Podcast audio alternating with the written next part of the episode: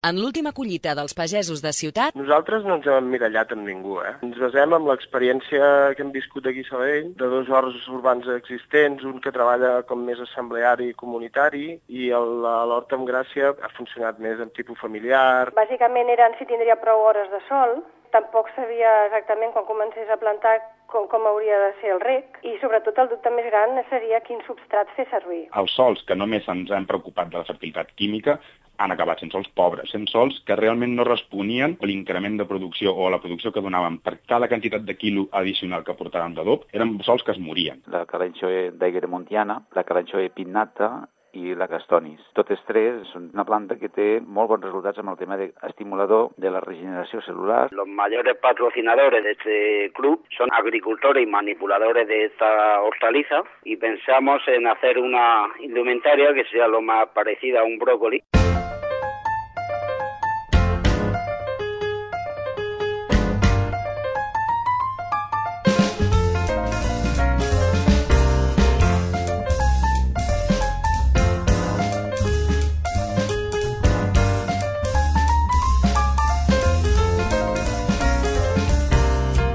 D'acabar-se el bròquil, els pagesos de ciutat tornem una setmana més disposats a acollir el millor d'un hort que, gràcies a les vostres experiències, consells i preguntes, no para de créixer.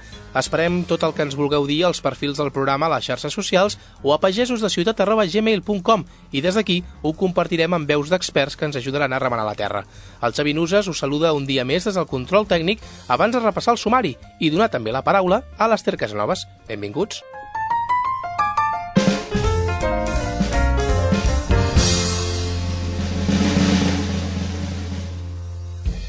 Els dissabtes a les 10 del matí escolta els pagesos de ciutat a Ràdio Santa Perpètua.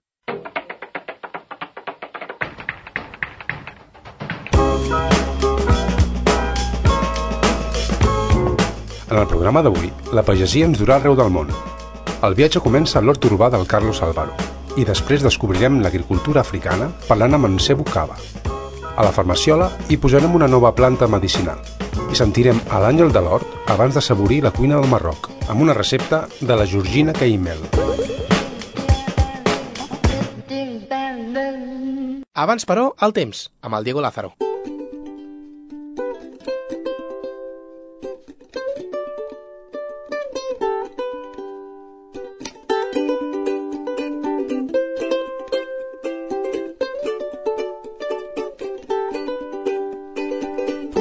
Meteoròleg, membre de l'Associació Catalana d'Observadors Meteorològics i autor del bloc del temps, el Diego és qui s'encarrega d'apropar-nos la previsió meteorològica cada cap de setmana. Comencem per dissabte i per diumenge. Quin temps ens espera, Diego? Doncs bé, per aquest primer cap de setmana del mes de novembre esperem un temps variable. Avui dissabte tindrem un augment dels núvols degut a l'aproximació d'una línia frontal i demà diumenge la nuvolositat podria ser abundant i no descartem que es puguin escapar algunes gotes durant la tarda. A les nits i matinades caldrà abrigar-se perquè les temperatures seran fresques i a migdia l'ambient serà força agradable, sobretot avui dissabte, amb una màxima al voltant dels 20 graus. I si mirem a partir de dilluns? Doncs començarem la setmana amb una entrada de vents de component nord que entre dilluns i dimarts farà novament baixar les temperatures. Dilluns encara restaran intervals de núvols, però posteriorment l'anticicló dels Açores ens abraçarà de ple estabilitzant el temps.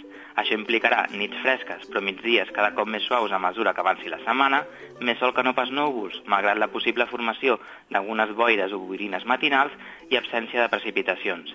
Així doncs, la tardor segueix avançant, però les típiques pluges, localment abundants d'aquesta època de l'any, segueixen sense arribar. Doncs ens fan esperar aquestes pluges, no el Diego Lázaro, que dissabte que ve ens torna a acompanyar. Que vagi molt bé.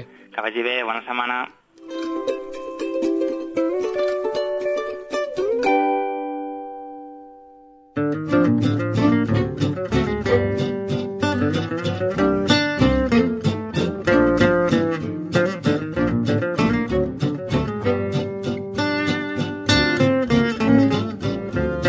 Esther Casanovas, benvinguda. Hola, Carles. Aquesta setmana comencem a recollir la denúncia d'un manresà compromès amb l'ecologia que a través del perfil del programa a Twitter ens alertava d'un problema que afecta els pagesos de Cardona i de Sallent. Efectivament, el comentari ens va arribar a través de Catalunya Eco, un blog mediambiental que en un dels seus articles denunciava la contaminació de les aigües del riu Llobregat per culpa de l'empresa que gestiona l'extracció de potassa de les mines de Sallent i Súria. Segons explica, els seus residus formen una gran muntanya de sal que va filtrant-se en els aqüífers aqüífers i el riu. Afortunadament, el Tribunal Superior de Justícia de Catalunya ha anul·lat l'autorització que la Generalitat va concedir el 2008 a l'empresa Iberpotash, donant la raó al recurs presentat per l'Associació de Veïns de la Rampinya de Sallent. Albert Junyent representa la plataforma Prou Sal, una de les entitats que ha pres part d'aquesta lluita. Albert, gràcies per atendre la trucada de pagesos de ciutat. Hola, i gràcies a vosaltres.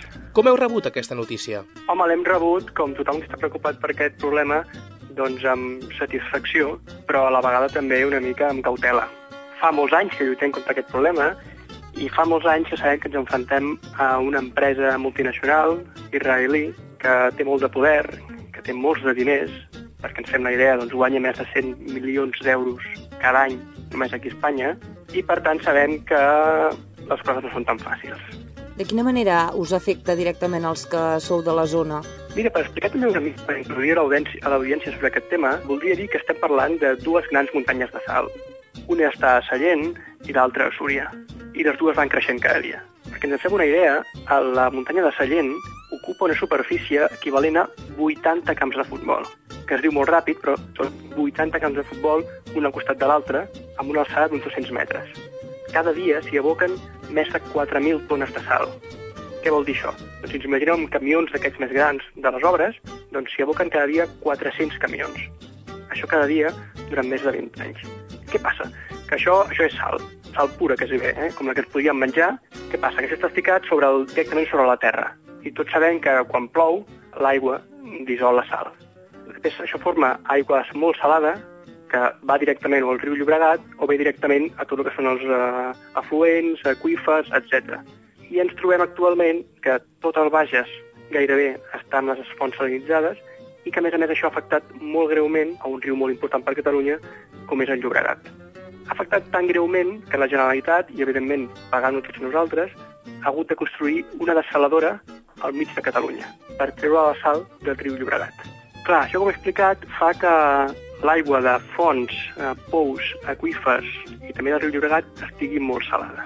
És fàcil d'entendre que si l'aigua està salada no és bona ni per les persones ni pels animals i tampoc, evidentment, per la vegetació. Ha passat doncs, que molta gent que tenia horts i granges ha hagut de o bé tancar, perquè ja no podien regar amb l'aigua salada, o bé, per exemple, m'ha passat a pobles com Navarcles, doncs gent que es dedicava a pagesia i tenia horts per guanyar-se la vida, doncs han hagut de comprar-se doncs, costoses màquines d'osmosis per treure la sal ells mateixos de l'aigua amb què regaven les seves hortalisses, diguem-ne. A les hortalisses això com es veia? Bueno, sobretot perquè no creixien com havien de créixer i algunes, algun tipus d'hortalisses es morien. També ha passat fins i tot, al principi del problema, alguns pagesos, agricultors que tenien bestiar, se'ls va morir el bestiar perquè bevien aigua eh, de pous salinitzats. A l'espera del que pugui passar a partir d'ara amb aquesta sentència, quina solució agrícola queda? Tenim un problema que és una gran muntanya de sal. Per tant, el que s'ha de fer és que aquesta muntanya, mica en mica, vagi sent cada vegada més petita.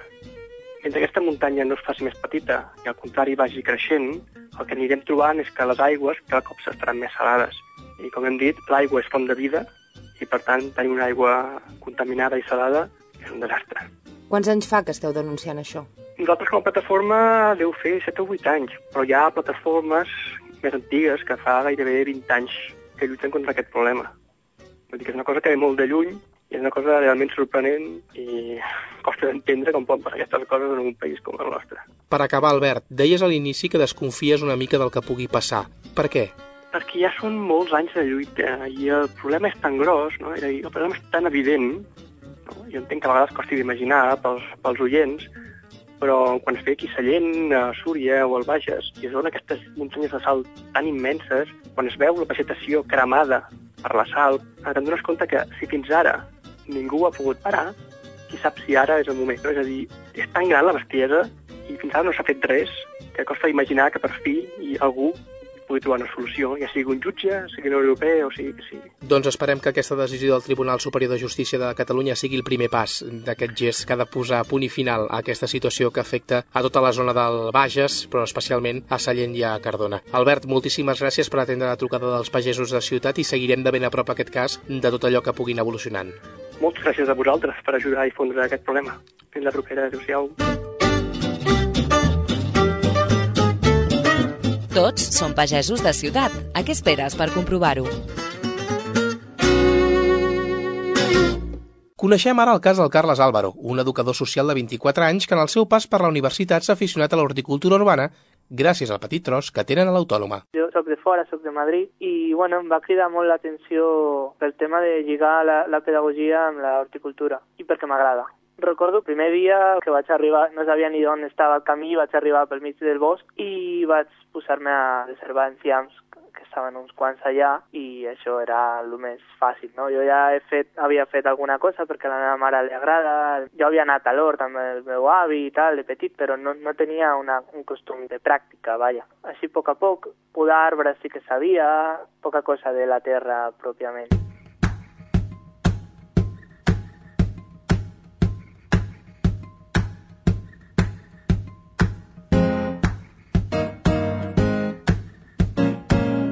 Segons van començar, que ja estava el projecte engegat, eh, va haver una plaga molt forta d'orobanche, que és una planta que es arrela junt amb llegums, i bueno, aquesta es manté encara.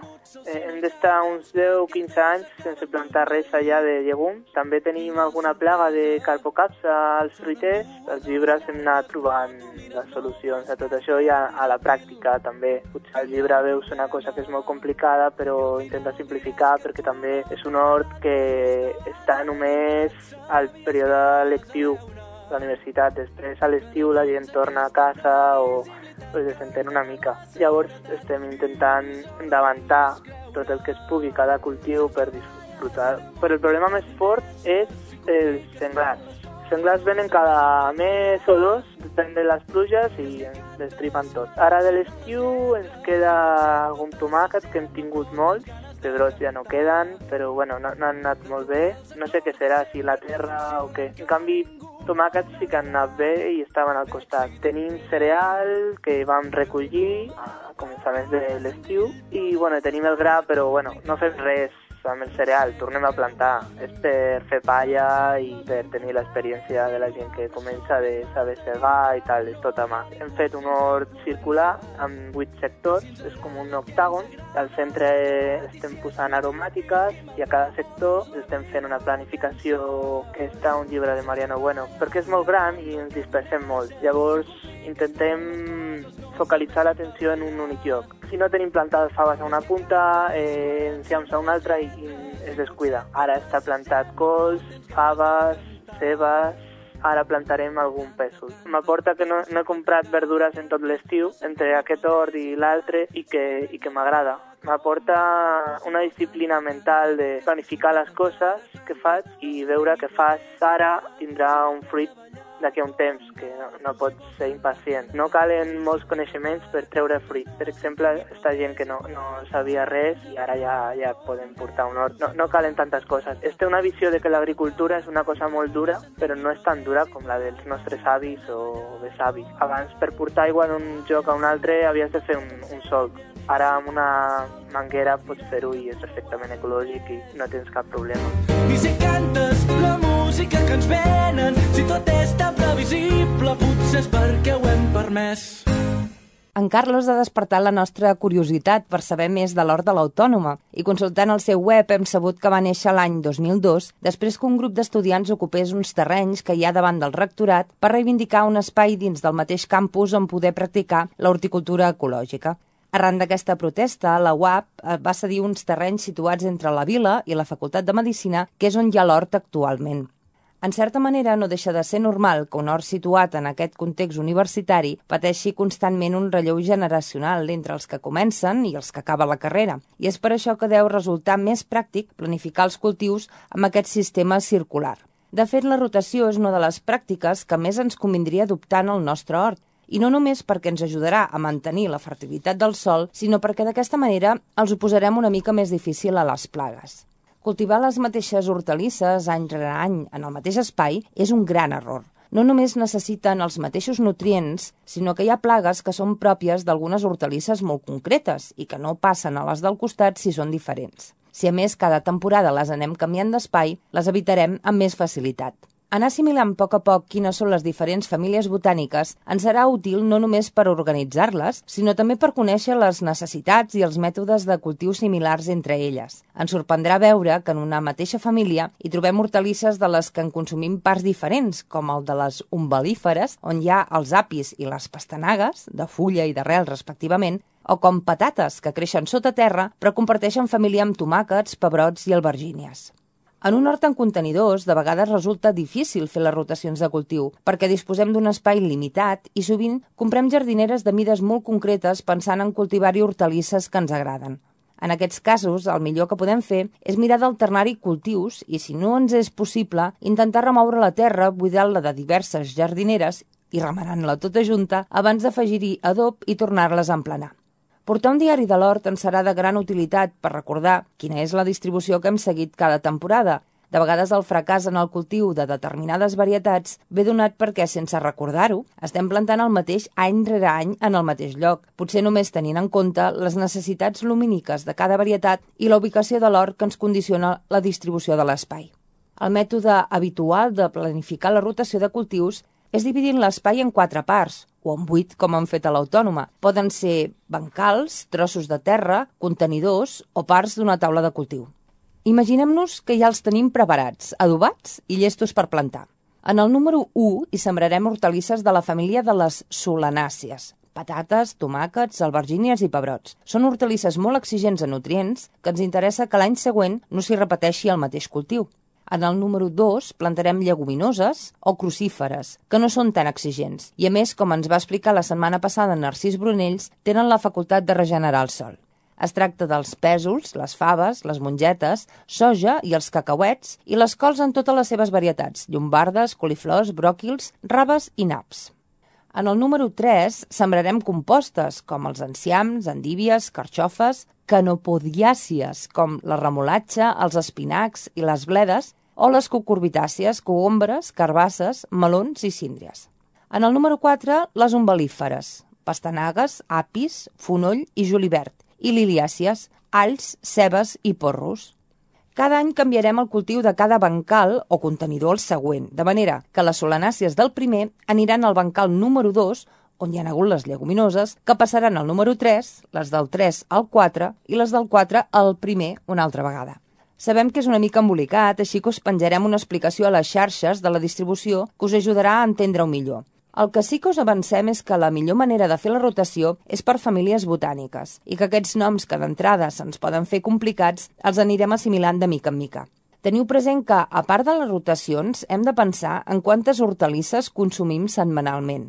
Alguna vegada ja hem dit que un hort és un conjunt de moltes decisions i que de mica en mica aprendrem a anar planificant-lo per treure'n el màxim rendiment. Sovint no és qüestió d'una sola temporada, o aprendrem a base d'equivocar-nos i de que alguna collita se'ns faci malbé perquè no hem donat abast a consumir-la quan estava a punt.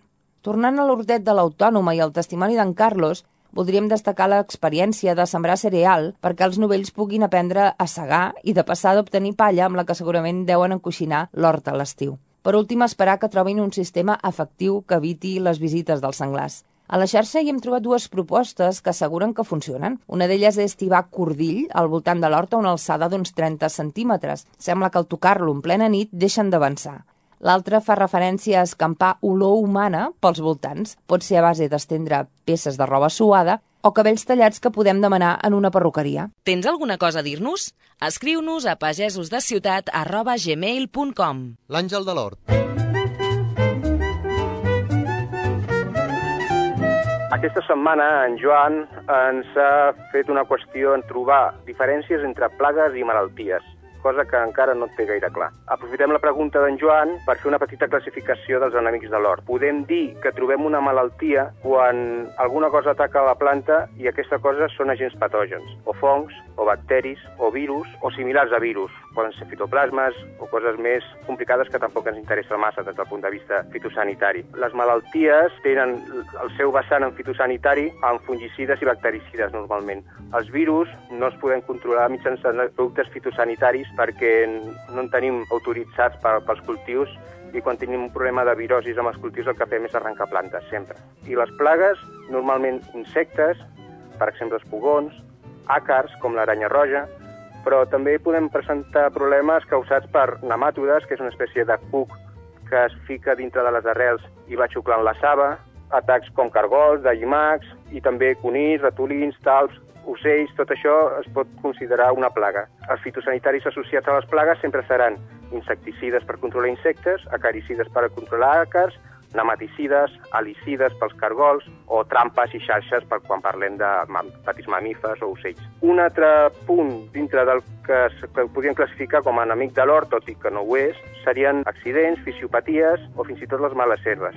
Podem considerar-ho enemics de l'hort perquè és un impediment entre el cultiu i la collita. Temperatures extremes, cops de sol, pol·lució ambiental, una gelada, una pedregada, també un error humà o aplicació de restes d'herbicida, que moltes vegades hi ha gent que fa servir herbicides, no neteja màquines i després fa una aplicació posterior a les plantes, als cultius, i produeix cremades o fitotoxicitats, que és el que en diem, i no sabem ben bé d'on ha vingut produïda. Una mancança o un excés de nutrients, tot això està considerat dintre del que són accidents o fisiopaties. Les males herbes també són considerades enemics dels cultius i, evidentment, perquè competeixen pels recursos, l'aigua, els nutrients, la llum, hem d'eliminar-les. No tinguis por a preguntar. A Plantèlia no en tenen a respondre. Entra a plantelia.com o escriu-nos a plantelia arroba plantelia.com.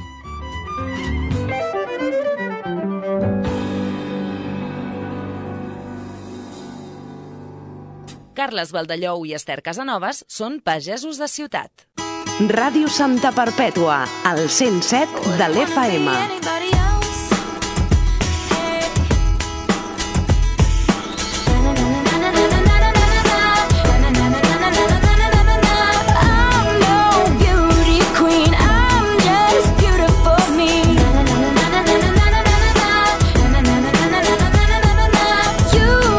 Escolta i sent la música amb Ràdio Santa Perpètua. You make me this, bring me up, bring me down, play sweet, make me move like a freak. Mr. Saxo beat, make me this, brings me up, brings me down, play it sweet, make me move like a freak. Mr. Saxo De dilluns a divendres, de dos quarts de deu a una del migdia, fem matí. Fem matí, tot un univers de petites sensacions. Amb Andrés Aracil.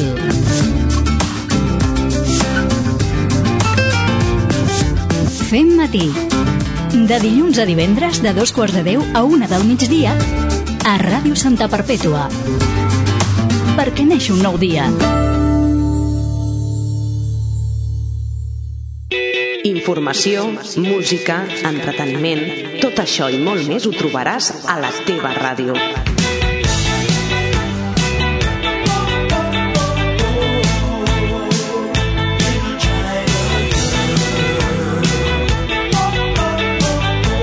Ràdio Santa Perpètua, al 107 FM. I want to break free.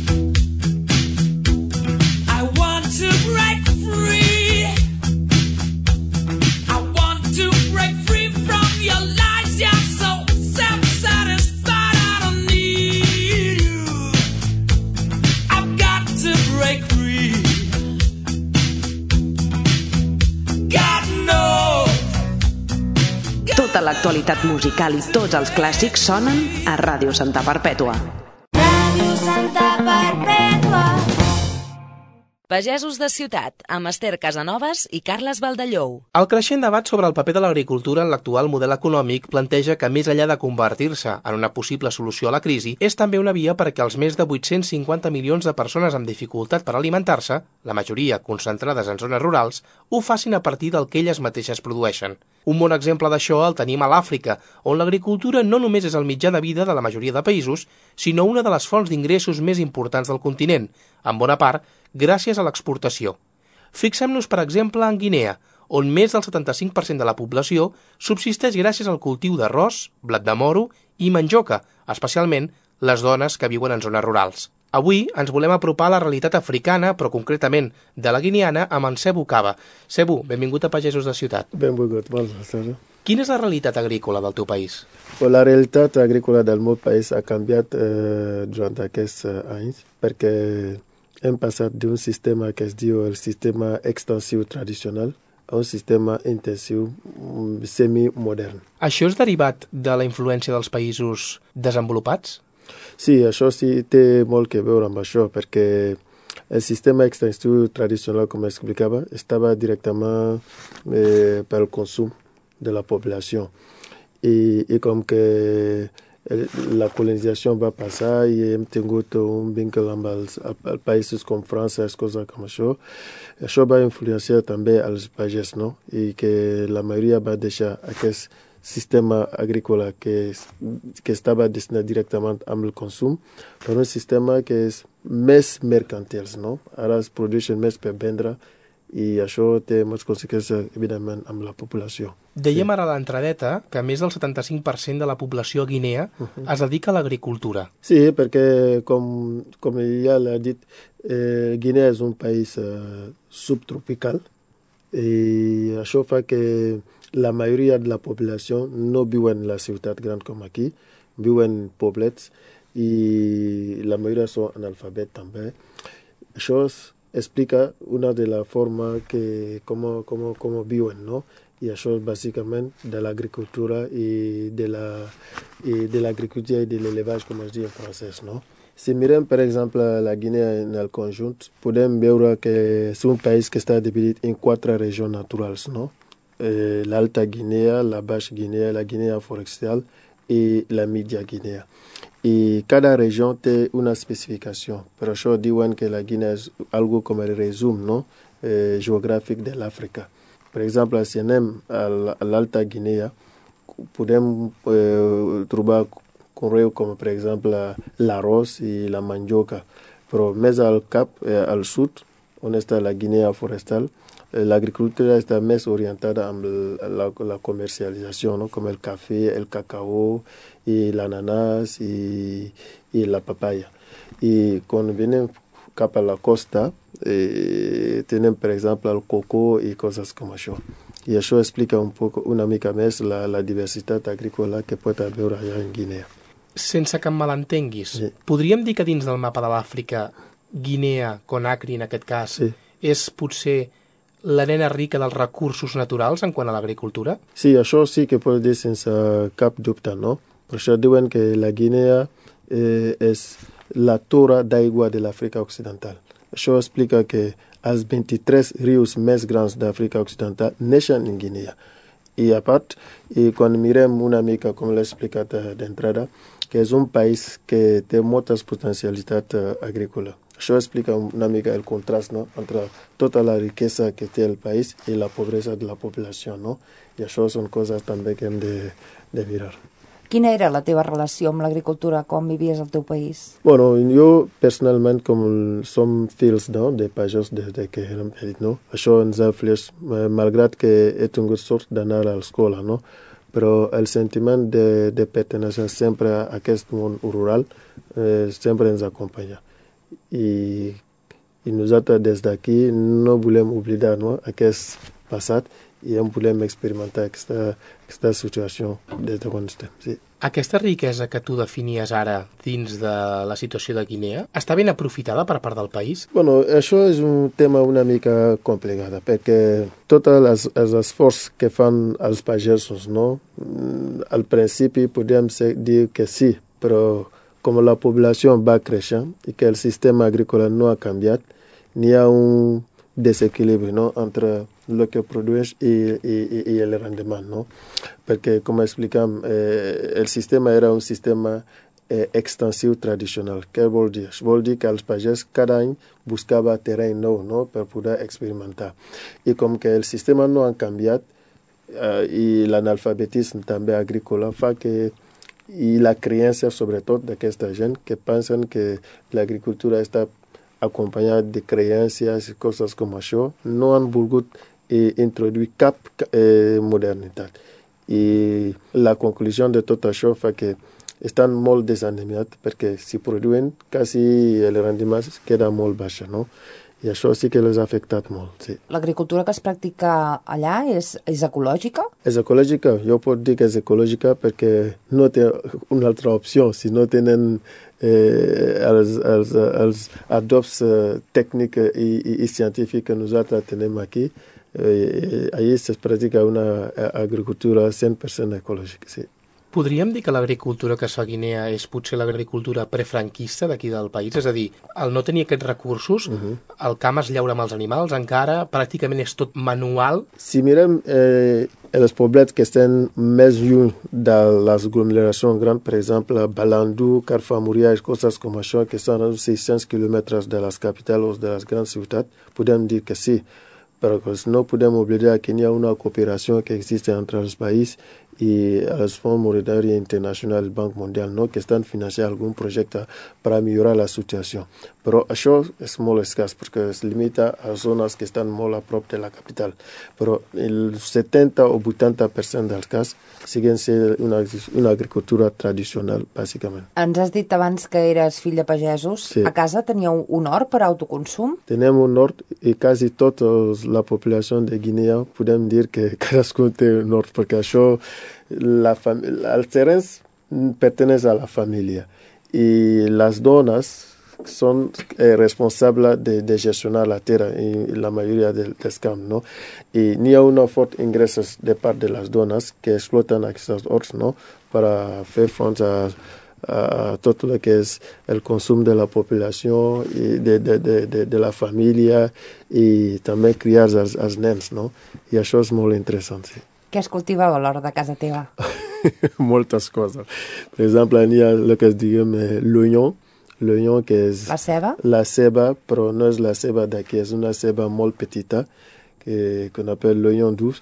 Et també fem el que es dit, eh, eh, eh, per exemple, la patate douce. La moniato? douce és el moniato, el moniato, però nosaltres no, no, no coneguem la- el moniato, per, per exemple, per, per el moniato, però per les fulles, que és també molt interessant per nosaltres, no? Les Sí. fulles dels moniatos Sí, per, sí, sí. per menjar-les? Per menjar-les. Però això es fa, per exemple, acompanyat de lucre i d'oli, oli vermella, que és un extra que s'extra de, de, de les palmes, palmistes, no? I Mhm. això és molt bo. I quines altres verdures? Oh, les verdures tenim molt, eh? Per exemple, les fulles, eh, les verdures que tenim, n'hi ha mangos, que hem dit al principi, no?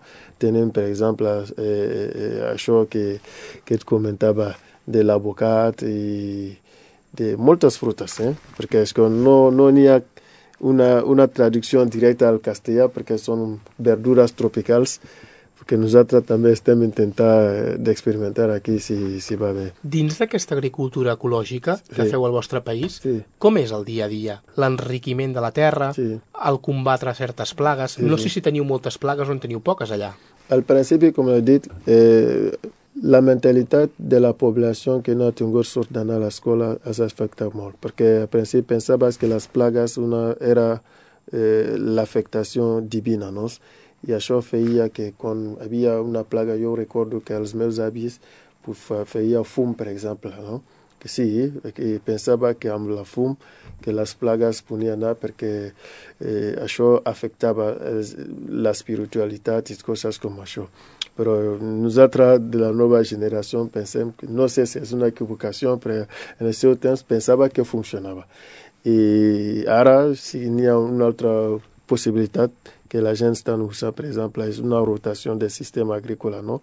I, per exemple, sabem que quales són les plantes que no l'agrada, per exemple, a certes eh, plagues, com per exemple el soterel i les hirondels, que són plagues conti- comunes de, de Guinea. I amb certes plantes, això fa un pudor que de seguida aquesta plaga de manera natural no pot aixecar-se així. Són plagues molt agressives en comparació amb les que tenim aquí? No, no són tan, tan, tan, tan agressius, eh? perquè eh, no són de la sectorial que nosaltres hem conegut fa, fa molts anys, que per exemple amb la portació de la FAO, que això que sí que està eradicat. Però els més coneguts, com l'he dit, l'estan comentant a partir d'una de, d'una altra plantes que fa pudor i això fa que les mateixes plagues són directament eh, fora de, de la, del conreu. I quan arribes aquí busques un hort per seguir cultivant? Sí, ara mateix tenim un hort aquí. I què és el que hi cultiveu? Aquest any, bon, fa dos anys que hem intentat, per exemple, experimentar eh, l'ocra, que és gombo en francès, i la patate douce, com l'he dit, per exemple, i ha sigut una experiència molt bonica per a nosaltres, perquè no ens esper- esperàvem que plantes tan tropicals podria, per exemple, créixer aquí també. L'ocra és una gran desconeguda, per qui no n'hagi sentit a parlar mai, eh, ens podria recordar doncs, a un pebrot. Sí. El que passa en quant a forma, en quant al creixement de la planta, Mm. en canvi té una textura molt diferent Sí, sí, i sí. en cuina s'utilitza molt perquè espesseix bastant les salses. Sí, sí, sí, sí, sí. És molt típica, de fet, de, de la cuina africana, Clar, no? clar, clar, clar. Per exemple, com le comentava, per exemple, les fulles de, de patata, per nosaltres són molt rics i, i, i, en febres, no? I això és molt difícil aconseguir aquí. I nosaltres hem, hem fet una experimentació i és molt bo. Quan tu arribes a aquest hort urbà, què és el primer que et sorprèn? El primer que m'ha sorprès és el clima, perquè nosaltres tenim només dues estacions a Guinea. Una estació de pluja que comença de- de- d'abril fins a novembre, que és una estació de pluja, i el resto és una estació bueno, normal, no? I quan vaig arribar aquí, bien com feia fred, diria que això és impossible, no? que creixen les plantes, perquè amb el fred, impossible. I quan he vist que n'hi ha plantes que sobrevivien amb tanta baixada de temperatura, dic que això és, que és cosa tan curiosa, no? I això sí que encara estic reconeixent. I el segon serà, per exemple, el canvi climàtic. Perquè si passem, per exemple, de l'hivern a l'estiu, això és un canvi brusc. I nosaltres hem pensat que, però, l'estiu és més o menys el clima que nosaltres tenim.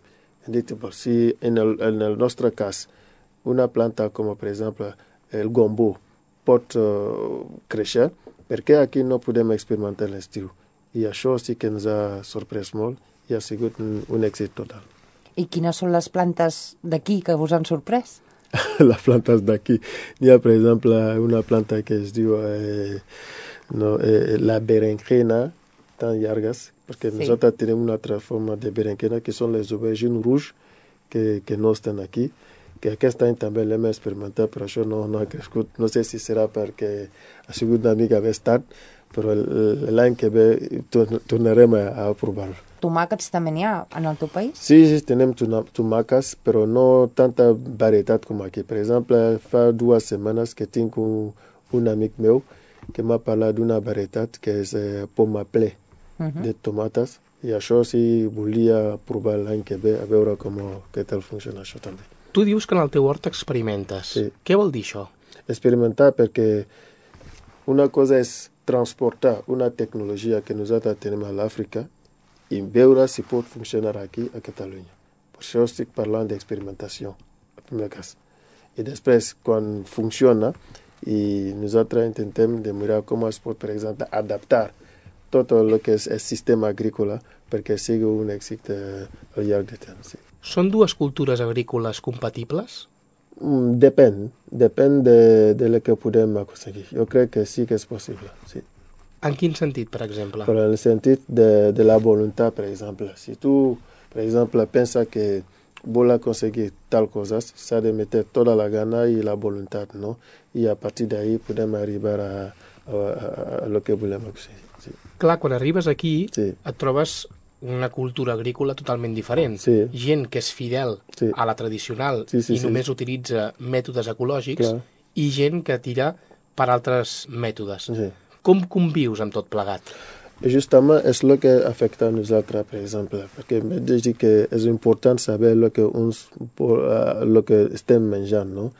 I si tenim la capacitat de produir eh, nosaltres mateix estem més segurs del que estem, perquè en aquest món és cert important tenir la, una, una rentabilitat més gran, però tampoc no podem perdre la qualitat. I això és important. Per això i, i nosaltres ens, sempre tenim dubte, no? Si lo que, tot el que és tot el que estan produint ara, si té l'essència de, la, de la planta. I això és fonamental. Per això nosaltres eh, és important que produïm per estar més segur de lo que estem consumint. No? I de quina manera eh, us han sorprès les plagues que tenim aquí? Uh, ens ha sorprès perquè n'hi ha moltes plagues aquí que, que resisten. Eh? És molt difícil combatre aquestes plaques. Per exemple, l'any passat hem tingut una plaga de, de càrgols. No sé si és càrgols, no? Que estan aquí, que ha afectat. Eh? Hem intentat tres o quatre vegades eliminar-los, però fins ara estem encara lluitant amb aquests càrgols. Hem intentat una tècnica que és la regeneració, l'oxigenació de, la, de la terra. És un sistema que ens ha, aplicat, que ens ha explicat eh, el meu cap. Eh, consiste en, per exemple, posar-hi eh, la pols del carbon a la terra i remunerator. I això fa que la terra es va eh, regenerar sol. I això també les afecta molt als càrgols, sí. I us va funcionar? Molt bé. Quan dius pols de carbó et refereixes a carbó Car- vegetal triturat Exacte, carbó vegetal triturat, sí. I no pot eh, aportar un excés de nutrients, d'alguns nutrients molt concrets, aquest carbó? Bueno, nosaltres eh, l'hem experimentat aquest any i el que estem pensant és posar-nos en contacte no, amb un laboratori perquè ens dir realment si pot tenir un altre efecte perquè és un consell que hem rebut i ens ha funcionat aquest any. Segons ens ha explicat, si per exemple posa un, una quantitat, s'ha de controlar la quantitat que s'ha de barrejar, no? No és, per exemple, que, que supera el, el, carbon a la terra, però si està ben barrejat, està molt, és molt bé. I quan has tornat al teu país, has portat llavors d'alguna cosa d'aquí cap allà? Bueno, de moment no l'he fet perquè fa, feia tres o quatre anys que no va tornar al meu país, però estic pensant que, que la propera vegada que estic pensant ahí, sí, mirarem de, de fer això, sí. L'objectiu d'aquest hort només és experimental? No és només experimental, és també donar opció, perquè la crisi que estem vivint ha afectat molt els nostres companys que s'han quedat molt sense feina, no? I dintre de, de l'associació que nosaltres tenim, que és APROMAP, Associació per la Protecció del Medi Ambient, hem pensat també que amb, aquesta, amb aquest tot donar una opció de treball també als nostres companys i també ajudar-ho no? Per a fer front a algunes necessitats bàsiques com pot ser la tomàques, les aubergines, el gombo, perquè nosaltres no venem directament pel consum de la població. Sí. A l'inici de l'entrevista ens feies una radiografia del que és el mapa agrícola del teu país. Sí. Allà és molt normal, de fet tu ho deies, que totes les famílies tinguin un petit tros Sí. del que s'abasteixin. Aquí no era normal fins fa poc, on cadascú aprofita el petit tros de terrassa que té, uh -huh. balcó Sí. o parcel·la, els més afortunats, Sí. per poder cultivar. Com interpretes o quina lectura fas de tot aquest moviment d'horts comunitaris, horts urbans, que estan naixent aquí a Catalunya? Bueno, jo crec que això té molt que veure amb la cultura no? del país i això és molt difícil d'explicar perquè el nostre cas eh, tenim un sistema patriarcal que diu que la terra, per exemple, no perteneix a una sola persona, però al conjunt de la, de la població, no? I com tal, cadascun pot, per exemple, gaudir d'una parcel·la i treballar. I aquí és una mica més privada. És molt difícil que podem extrapolar la situació que passa a Guinea i en el cas de, de Catalunya, no? I això nosaltres també ens, esper, ens pareix una mica més uh, estrany quan veiem aquesta situació que eh, veuen a la gent que, fan, que tenen hort la mateixa casa on viuen, dic que és, és, és pràcticament impossible per a nosaltres. Tots els que hem començat un hort, mm, hi ha algun moment en el que posem en pràctica algun consell que ens Sí. ha donat algú que en sabia més, Sí, no? sí. que ens ha acompanyat. Mm. En el teu cas, quin és? En el meu cas, és que el treball de l'hort és un treball de, de perseverança, no? I sobretot de voluntat, perquè s'ha d'estar sempre al contacte amb la terra i al contacte del producte que vol aconseguir, perquè un bon treball de, de, de, de, d'hort necessita temps i dedicació. Per això dic que s'ha d'amar primer la terra, perquè és un treball que la gent no, no entén, però és un treball també molt, molt apassionant. Sí. Nosaltres avui hem posat tota la passió i tota la dedicació a conèixer quina tasca fa el seu Cava en aquest hort en el que experimenta, però també s'apropa a les seves arrels agrícoles Exacte, que sí. tenia a Guinea, el seu país natural, del que avui ens ha fet una radiografia. Mm. Cebu, moltíssimes gràcies per apropar- per apropar-nos a aquesta realitat Sí. i per visitar-nos i acompanyar-nos aquí als pagesos de ciutat. Moltes gràcies a vosaltres. Cada dia som més pagesos de ciutat. I abans de tornar a casa fem una última parada per degustar la cuina del Marroc. En aquest cas, amb una de les receptes que la Georgina Caimel ens proposa per conèixer el país veí mitjançant el seu blog gastronòmic. لي Doncs el vaig començar ara justament fa 3 anys, al setembre de 2010, i el vaig començar simplement perquè jo estava interessada en la cuina marroquina, eh, perquè estic casada amb un noi marroquí, i llavors senzillament jo buscava informació, buscava com podia fer aquestes receptes a les que ell me parlava i que jo havia provat en els viatges al Marroc i no trobava informació. Traient la informació dels pocs llibres que havia aconseguit comprar al Marroc, tots en, en francès, fins que vaig descobrir el món dels blogs de cuina i vaig conèixer els blogs de, de cuina marroquina, però tots eren en llengua francesa. En castellà vaig trobar un parell i en català no en vaig trobar cap. I, i vaig pensar, doncs, si no hi ha cap blog en català que parli de cuina marroquina, doncs bé, l'hauré de fer jo. Volia arribar a la gent que tenim curiositat per conèixer la cuina la, i els costums i la, la cultura marroquina en general. Al principi de, de començar el blog doncs, vaig començar per fer les receptes que són les més representatives i les més quotidianes. El tagín de pollastre amb patates fregides, que ja es fa pràcticament cada dia, el cuscús, el que és més quotidià, més habitual. I llavors, clar, a poc a poc vas provant noves coses, receptes que no has provat allà però que existeixen i que criden l'atenció. A més que, evidentment, vaig fent les receptes segons els productes de temporada que hi ha. Això sí que a mi m'agrada molt respectar-ho, no? I miro també que sigui una miqueta variat. Miro d'anar publicant pues, una vegada un postre, la següent recepta un plat de carn o un pa, per exemple. El que és les receptes que penjo en el blog, normalment hi presento una sola foto i llavors eh, en funció de si el plat és més complicat o té més passos a seguir, a vegades penjo el que són les fotos del, del procediment. Però la veritat és que poques vegades ho faig perquè en realitat tant els productes que es fan servir a la cuina marroquina com els procediments són productes quotidians a l'abast de, de tothom i els procediments molt senzills. Per exemple, els famosos tagins que couen durant hores i hores i hores. L'única complicació que tenen és això, esperar l'estona suficient perquè cogui, perquè es posen tots els ingredients en cru, per exemple, a dins de, del tagín, una miqueta d'aigua, es tapa i a coure. Tenim la percepció de que són menjars exòtics no? i complicats de fer, perquè simplement perquè no ho coneixem. Però a l'hora de la veritat són coses ben senzilles i fàcils de fer. Aquesta setmana, des de la cuina del Marroc, us proposem de fer un zaluc, vale? un dels plats més típics que podem trobar al Marroc, d'un puré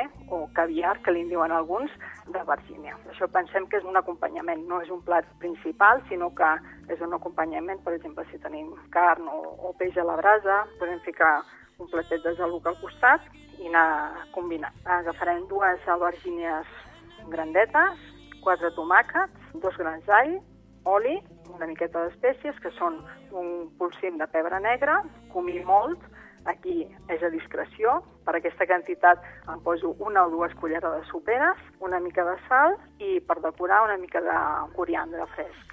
Pelem les albergínies i les tallem a, a quadrats. És important que si l'albergínia ja està una mica engranada, li traiem totes les llavors. Per una altra banda, els tomàquets els apelem, els tallem per la meitat i també hi traiem totes les llavors. Això és una, un procediment molt, molt comú a la cuina marroquina, cosa que, que aquí no fem, que ens mengem sempre els tomàquets crus i, i sencers.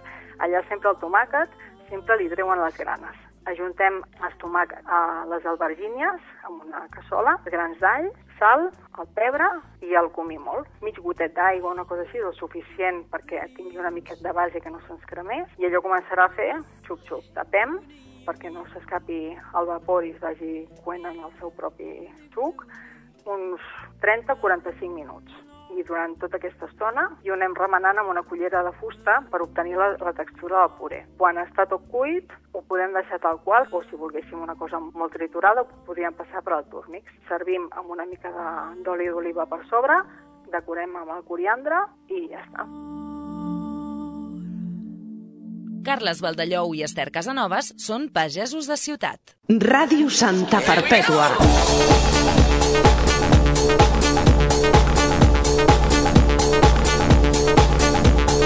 Escolta i sent la música amb Ràdio Santa Perpètua.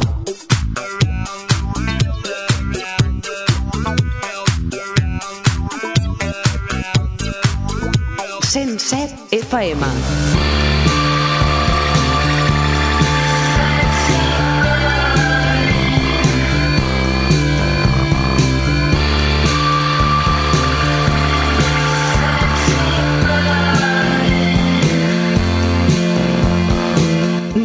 Santa Perpètua. Found You.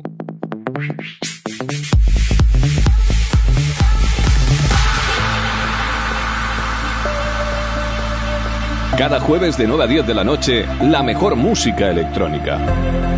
Y los sábados, disfrutad de las sesiones de nuestros DJs en Found You in Session. Found You, una nueva forma de entender la música electrónica. Lo siento mucho. Me he equivocado y no volverá a ocurrir. No volverá a ocurrir. Caricaturistas en las ondas. Con Ángel Andreu, Luis Muñoz, Albert Galvo Y Elena Martín.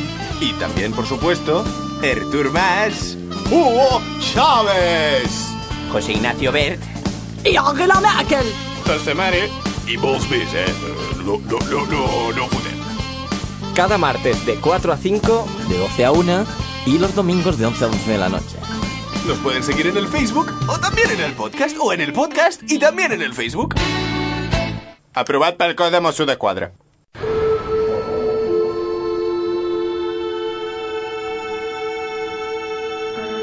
de dilluns a divendres. Endinsa't al mirall fosc. La bona música a Ràdio Santa Perpètua.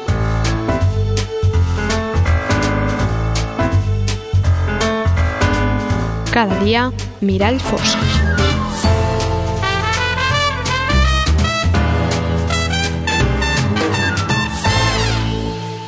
Estàs escoltant Pagesos de Ciutat, amb Carles Valdellou i Esther Casanovas.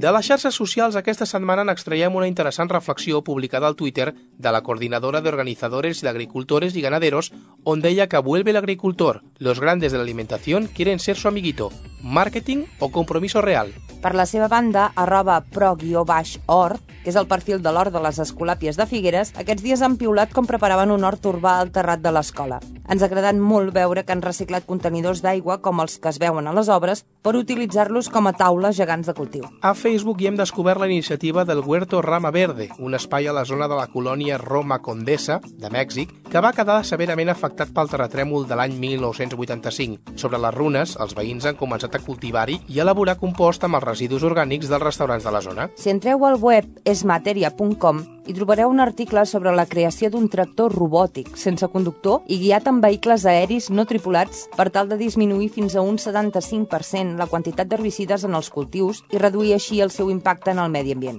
Segons expliquen, els robots aplicarien herbicides només on fos necessari i la resta d'herbes es cremarien amb un suplet incorporat al vehicle. I des de Blocs contra la Fam ens animaven a participar en la difusió del Gran Recapte 2013 que organitza el Banc dels Aliments.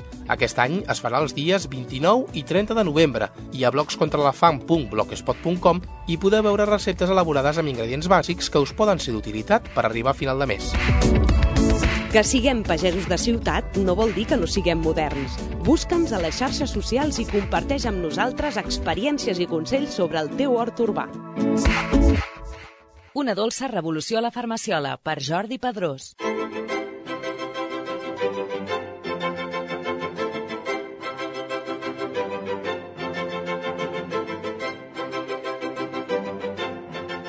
M'agradaria parlar-vos d'una planta que és la melissa, que la podeu conrear a l'hort a tot i pleni, és a dir, us aguantareu tot tipus de terres, eh, terra més bona, terra més dolenta. Això sí, una mica d'aigua, evidentment s'ha de regar, eh? perquè torna a brotar cada any amb més força. És a dir, és una planta que a través de les arrels ens va reproduint semblant a la menta. D'una arrel pot sortir un plançó fàcilment semblant a una menta, però l'olor una mica diferent. Té un fullatge bastant frondós i si no la controlem ens pot envair la zona d'hort on la plantem. Això hem d'evitar de posar-la en llocs que, que preveiem per plantar-hi altres plantes. No? És millor posar-ho en un racó, en una, en una de les cantonades. Eh, jo també dia de, de combinar el nostre hort planta aromàtica, planta medicinal, amb planta de menjar, no? de tipus hortalissa. No? A nivell de combinació amb altres plantes, aquestes mentes o melisses, eh, plantant cebes i alls, mútuament eh, s'afavoreixen. Hortalissa i planta medicinal són bones combinacions a l'hort si sabem controlar-les. No? I en aquest cas la melissa és una planta que cal controlar eh, que no s'extengui massa a nivell d'arrel i a nivell també de l'ombra que pot fer una planta que pot arribar a un metre eh, ben ben bo d'altura i amb una quantitat de fulla considerable. És millor collir-la al moment de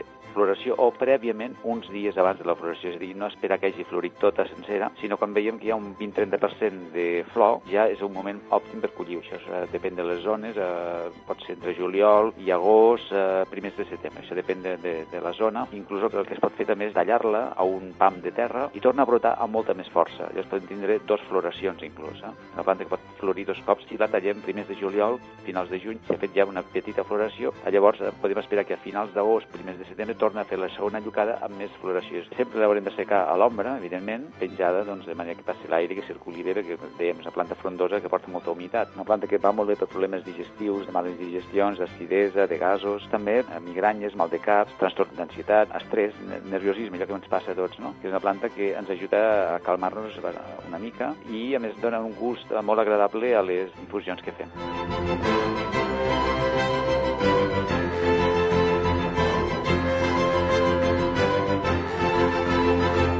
Tots són pagesos de ciutat. A què esperes per comprovar-ho? Amb salut i bons fruits ens acomiadem fins la setmana que ve, agraïts de la vostra fidelitat i confiant que seguireu atents a l'hora dels pagesos de ciutat. Junts seguirem enriquint el programa amb les vostres experiències, preguntes i curiositats. Les esperem als nostres perfils a les xarxes socials o escrivint-nos a pagesosdeciutat.gmail.com.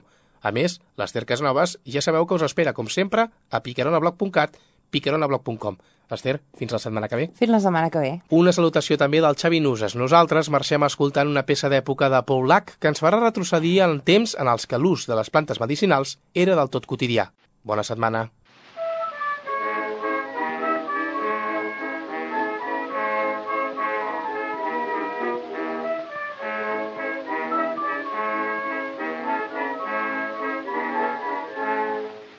Lorsque la Seine débordante, un beau matin, dit à son lit, elle alla au jardin des plantes, les pauvres en furent tout surpris.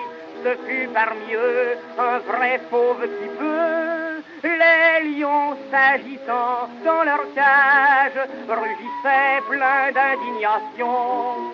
Dire qu'on n'a même pas un garage quand en face c'est la gare des lions.